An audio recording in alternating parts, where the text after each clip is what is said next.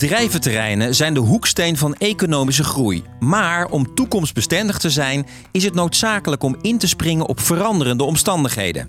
Ik zie ze vooralsnog als grijze massa's waar ik liever niet kom. Maar echt negeren gaat niet, want ook deze plekken moeten verduurzamen. Ik ga op onderzoek uit. Mijn naam is Daan Nieber en in deze podcastaflevering van Meer dan een mooi terrein spreek ik met bevlogen ondernemers en experts over toekomstbestendige bedrijventerreinen. Meer dan een mooi terrein is een podcastserie van het programma Duurzaam Door.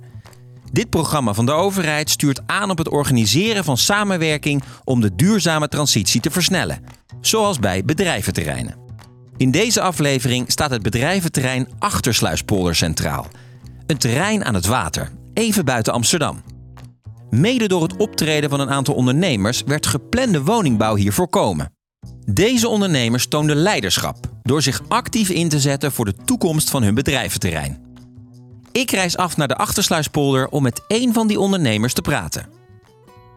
Dag Vincent. Goedemorgen. Daan Nieber, aangenaam. Vincent van Vliet. Zeg Vincent, als ik hier om me heen kijk, dit, dit bedrijfterrein Achtersluispolder, ik krijg wel meteen het gevoel, dit is veel zware industrie.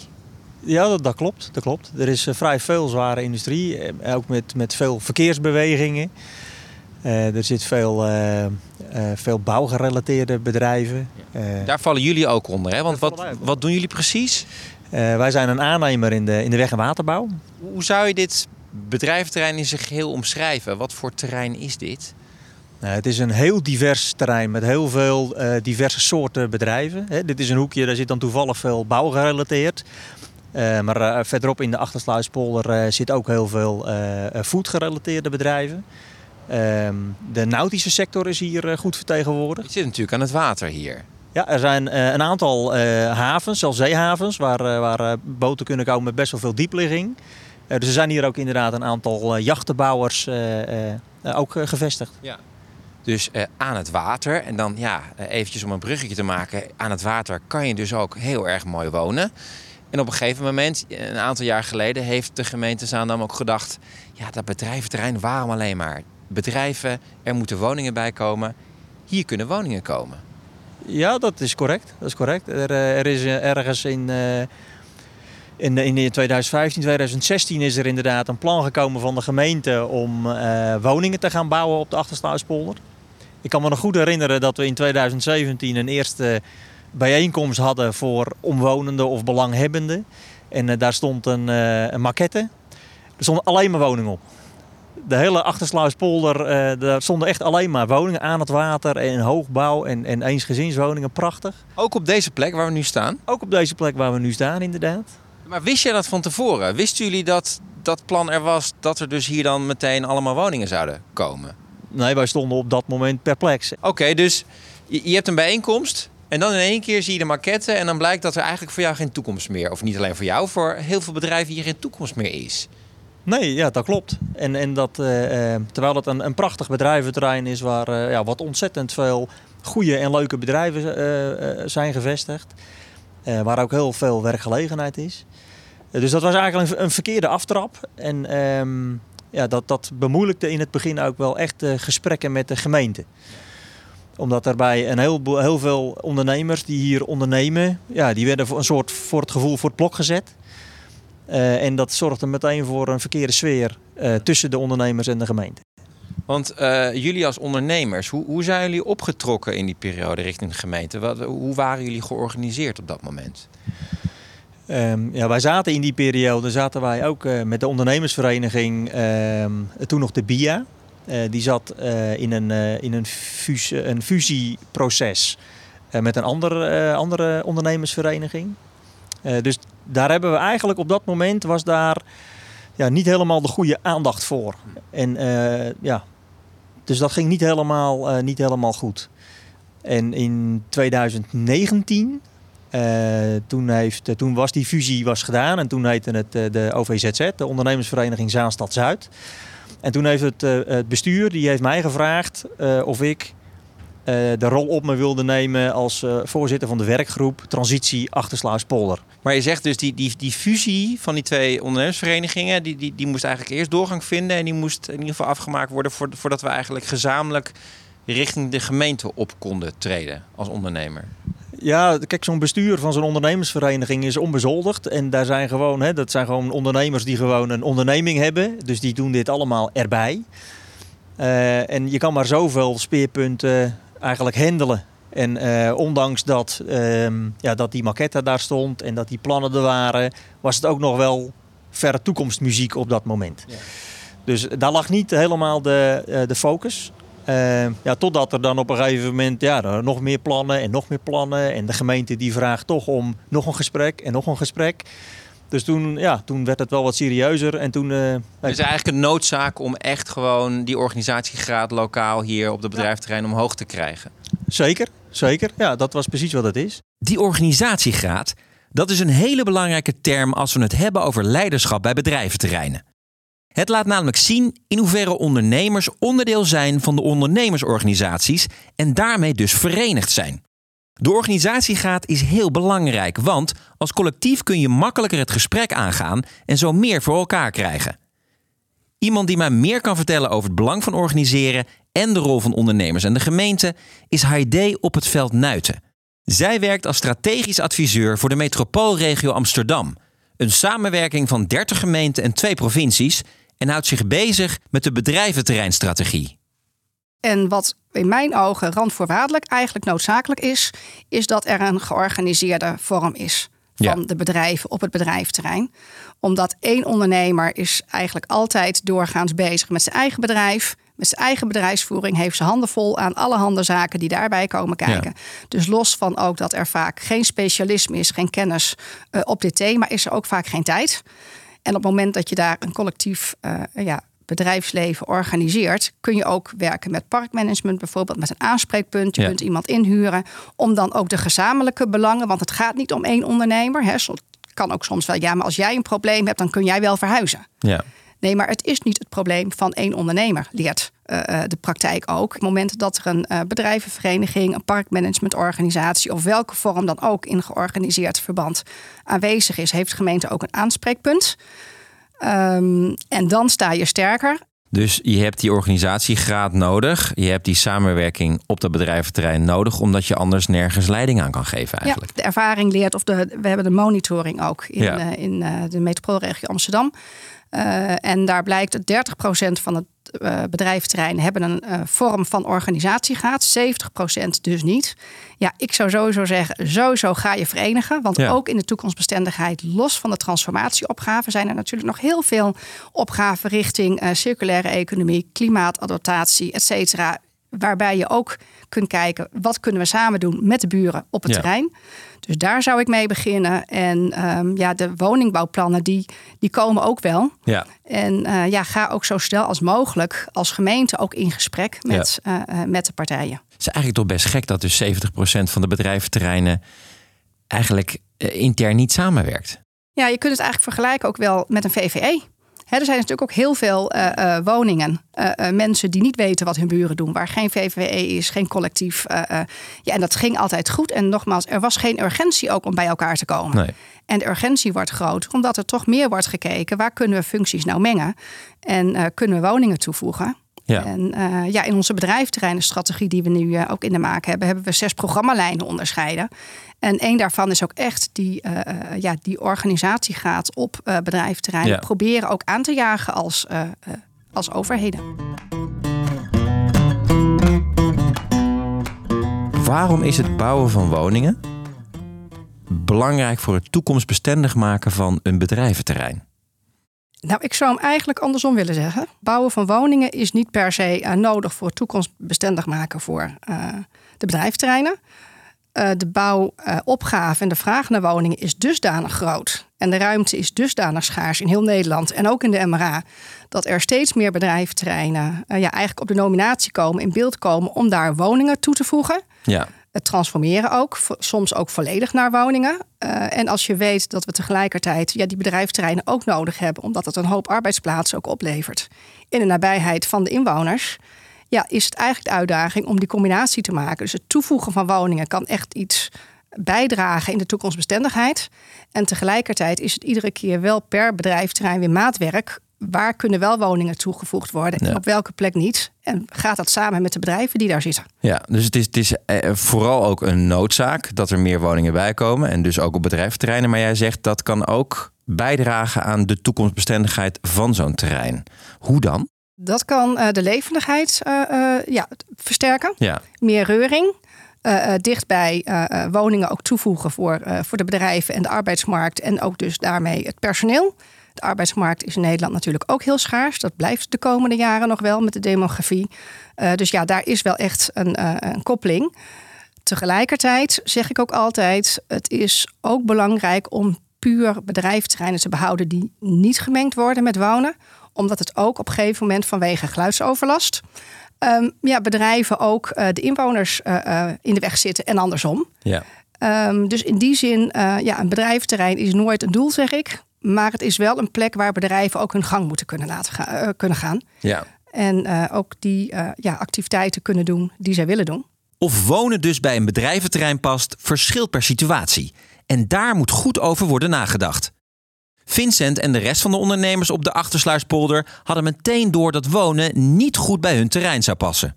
Ja, er ligt een woningbouwopgave. Ik wil ook graag dat mijn opgroeiende kinderen over vijf jaar een woning kunnen kopen. Dus dat begrijp ik en dat snap ik ook. Alleen ik denk niet dat een gebied als de Achtersluispolder daar de geschikte uh, plek voor is. En dat komt omdat uh, die industrie, die is, uh, ja, er zit, er zit heel zware industrie. Dat is sowieso is dat een hele moeilijke. Maar als ik mijn bedrijf hier zie, en ik geef dat wel vaker als voorbeeld. Wij werken in de bouw, we beginnen altijd vroeg. Uh, de jongens die zijn om 7 uur op het project. Dus dat betekent dat hier heel regelmatig om 6 uur s ochtends staat hier de vrachtwagen. Die staat hier bijvoorbeeld stalen rijplaten in de stalen bak te laden. Nou, als je dan op 100 meter afstand van mijn bedrijf dat hoort, ja, dat zal je misschien een keer niet erg vinden, maar dat gebeurt alle dagen. Er zijn het eigenlijk alleen maar woningen voor ochtendmensen. Ja, bijvoorbeeld. Ja, ja precies. Ja. Maar goed, er zijn weer andere bedrijven die hebben dat soort zaken hebben die dat weer s'avonds.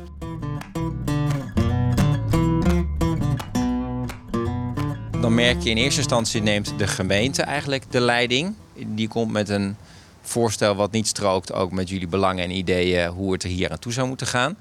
Dan vervolgens gaat die organisatie gaat hier op bedrijventerrein omhoog. En ga jij eigenlijk namens de bedrijven hier richting de gemeente. Hoe gaat het dan verder? Ook als je het hebt over dus leiding nemen in zo'n project. Ja, nou, je merkt op een gegeven moment dat je niet verder komt.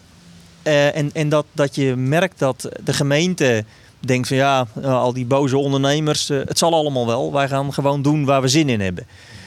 En op het moment dat dat besef kwam, um, toen heb ik eigenlijk die bozigheid en die frustratie aan de kant gegooid. En zijn we, heb ik geprobeerd om uh, ja, beargumenteerd gewoon gefundeerde gesprekken te voeren met, met de gemeente, met de wethouder en met die, die groep ambtenaren. Uh, om, om, duidelijk ons probleem en, en onze zorgen voor het voetlicht te brengen, maar ook te vragen na, aan die gemeente wat is nu jullie beweegreden? En als je dat dan hoort, wat gebeurt er dan? Ja, nee, dan, dan komt er natuurlijk begrip voor, voor een bepaalde opdracht voor woningbouw. En, en op het moment, en dan merk je ook dat die gemeente dat die ook begrip heeft als je het goed uitlegt voor die zorg van die ondernemer. Leiderschap houdt dus ook heel erg in goed luisteren, niet alleen naar je eigen achterban, maar vooral ook naar die andere partij. Vooral ook naar je gesprekspartner, want uiteindelijk doet hij ook niet iets zomaar. Er zit altijd een, een, een reden achter waarom hij iemand iets doet. Hoe gaat het dan verder, ook als je het hebt over dus leiding nemen in zo'n project? Je gaat je erin verdiepen, hè? dus je gaat kijken van wat, wat is er allemaal, wat, wat kan er allemaal, welke, welke wetgeving speelt er op dit moment. Uh, en op het moment dat je die informatie verzameld hebt, ja, dan, dan moet je daarna moet je dus naar die gemeente toe. Maar is het dan zo dat het initiatief dan ook van jullie uh, kwam en moest komen? Ja, dat initiatief kwam bij ons. Want bij de gemeente leefde nog steeds het idee dat dit een geweldige plek was om te gaan wonen. En wij waren er inmiddels achter dat uh, schuin tegenover ons, uh, daar zit de petroleumhaven in Amsterdam. En die heeft een milieucirkel die tot, ja, tot halverwege de Achtersluispolder loopt. En binnen die milieucirkel mag er helemaal niet gebouwd worden. En tenminste qua woningen. Dus dat was voor ons een soort wel een, een haakje om met die gemeente het overleg aan te gaan. Waarbij we iedere keer vroegen. En dat is denk ik misschien wel een, een ehm, ja, klinkt misschien als een marketing ding, maar we hebben toen eigenlijk een aantal vragen gesteld en iedere keer met hashtag hoe dan. Dus hoe kan dat dan? Ja. hoe kun je binnen die milieucirkel gaan bouwen? Ehm, hoe kun je de verkeersstromen die samengaan met wonen combineren met de verkeersstromen die met de bedrijvigheid samengaan? En door telkens die, diezelfde, uh, als een soort, nou, bijna als een soort mantra, diezelfde kritische vraag te stellen, kwam er toch een soort, een soort veranderende trend bij die gemeente van hey, eh, eh, we willen wel heel graag woningen bouwen en we moeten ook woningen bouwen, maar is dat nou wel mogelijk zoals wij dat voor ogen hadden? Ehm, en, en daar is dus uiteindelijk, uh, ja, kwam die, die kentering daarin. En, en toen begon de gemeente eigenlijk ons steeds meer als een serieuze gesprekspartner te zien omdat ze zagen van hey, dit, die, die, die, die ondernemersverenigingen en die ondernemers die raken steeds beter georganiseerd. Die hebben steekhoudende argumenten waarom iets wel of niet kan. Uh, dus we moeten, we moeten goed die participatie doen. Ik heb nog een keer bij de gemeenteraad heb ik ingesproken met, met al, onze, uh, al onze dingen die we, die, we, die we hadden. Zodat de gemeenteraad ook op de hoogte was uit eerste hand van wat wij als ondernemers vonden van de plannen. Um, daaruit, is dus, daaruit is gekomen dat eigenlijk het grootste deel van de, van de Achtersluispolder niet gaat transformeren naar werken en wonen. Maar dat, maar dat eigenlijk hè, dat er ruimte voor werk blijft. Door zich goed te verenigen en op een creatieve en duidelijke manier de problemen op tafel te leggen, kreeg Vincent het met de ondernemersvereniging voor elkaar om serieus te worden genomen en echt een plek aan tafel te krijgen. Volgens HD is het heel belangrijk dat de gemeente en de ondernemers met elkaar in contact blijven. Verduurzamen van bedrijventerrein, ik kwam het in het begin van mijn carrière al tegen. Het is een enorme taaie materie en dat, ja, daar heb je elkaar voor nodig. Ja. En uh, om die stappen ook te kunnen zetten. Idealiter zou je met elkaar in gesprek gaan. Hoe gaat dat nu op het terrein, wetende dat er ook bedrijven uh, uh, willen blijven zitten, ja. ook willen groeien. Maar, maar we hebben ook die woningbouwopgave en hoe gaan we dat dan combineren? Maar dat klinkt wel alsof, ook omdat er natuurlijk uh, de vraag om woningbouw komt van de gemeente, van buiten het bedrijventerrein, dat ook de gemeente degene is die de leiding moet nemen. Uh, ja, op het moment dat die ontwikkelingen ontstaan, dan is de gemeente de eerste initiatiefnemer. Ja, ja ik zeg zelf altijd, urgentie vind ik uh, echt heel belangrijk bij, uh, bij het leiderschap. Um, en wat ik zelf vanuit Zaan, Zaanstad ook echt wel een teken vind van leiderschap, is dat ze dus dat het bestuur ook heeft gezegd en de gemeenteraad van hé, hey, misschien zijn die plannen toch niet helemaal meer realistisch nee. in deze tijd. Dus ja, het is maar net vanuit welke kant je er naar kijkt. Ik denk dat het heel krachtig is dat ze zeggen van hé, hey, maar we kunnen wel 2000 woningen om en nabij toevoegen in het gebied. En dan kunnen we ook nog de ondernemers die er zitten uh, kunnen blijven zitten. Die geven we daarmee ook zekerheid. Zij kunnen daarmee ook investeren in de toekomst van hun gebied, in hun bedrijf. En kunnen daar, daar, daarmee ook gewoon uh, blijven werken en, en de arbeidsplaatsen ja. leveren voor onze inwoners. Dus ik denk dat dat juist heel krachtig is in leiderschap. Ja. Ah, en als je zegt van, ik, ik hoorde net het woord urgentie, van je moet uh, bij leiderschap hoort ook dus eigenlijk dat je die urgentie duidelijk maakt richting de partijen die je mee moet krijgen, ga ik er dan vanuit. Hoe, hoe doe je dat richting de ondernemers op zo'n bedrijventerrein? In dit um, geval de urgentie van er moeten ook bij jullie woningen komen.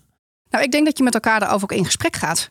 Iedere partij daarbinnen, ook de eigenaar en ook de ondernemers, hebben natuurlijk hun eigen belangen en hun eigen urgenties. Ja. En hoe kunnen we die urgenties dan toch bij elkaar brengen, hoe ingewikkeld dat ook is, om toch te kijken hoe we uiteindelijk uh, weer een stap verder kunnen in de ja. toekomstgerichtheid van uh, toekomstbestendigheid van het bedrijventerrein. Dus ik zeg ook altijd luisteren.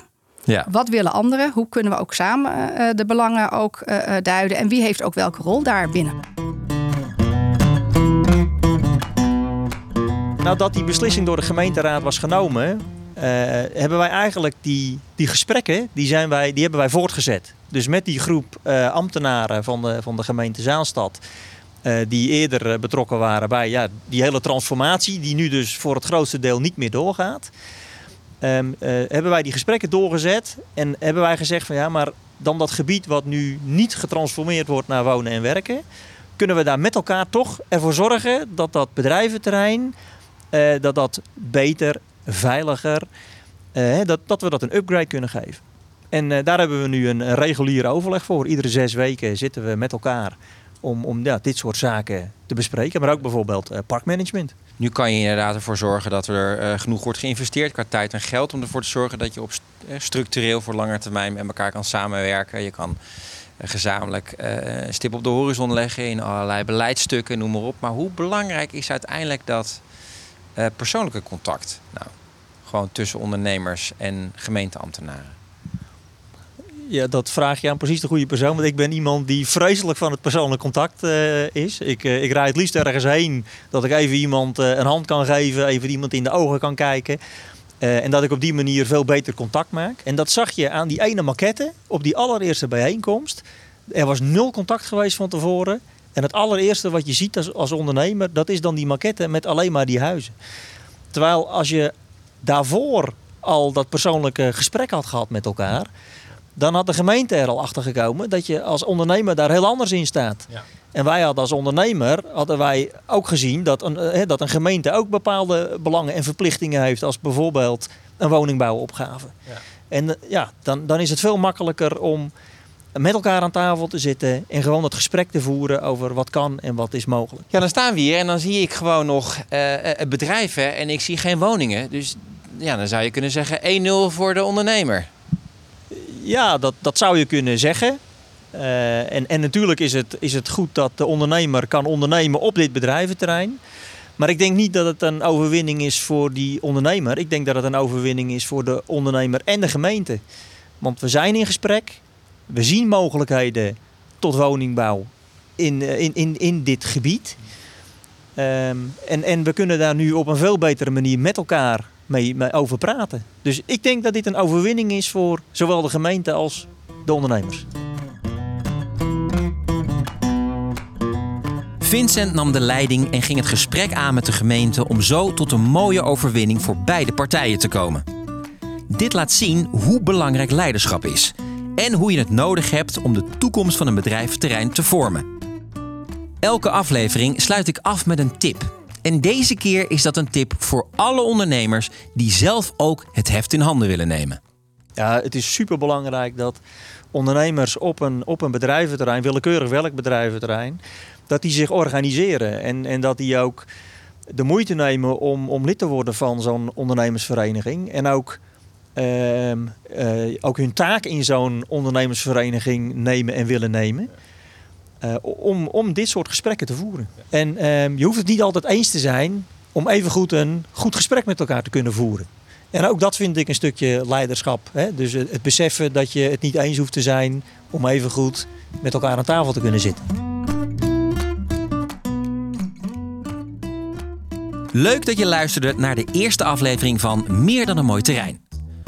In de volgende aflevering spreek ik met een ondernemer en een expert over samenwerken.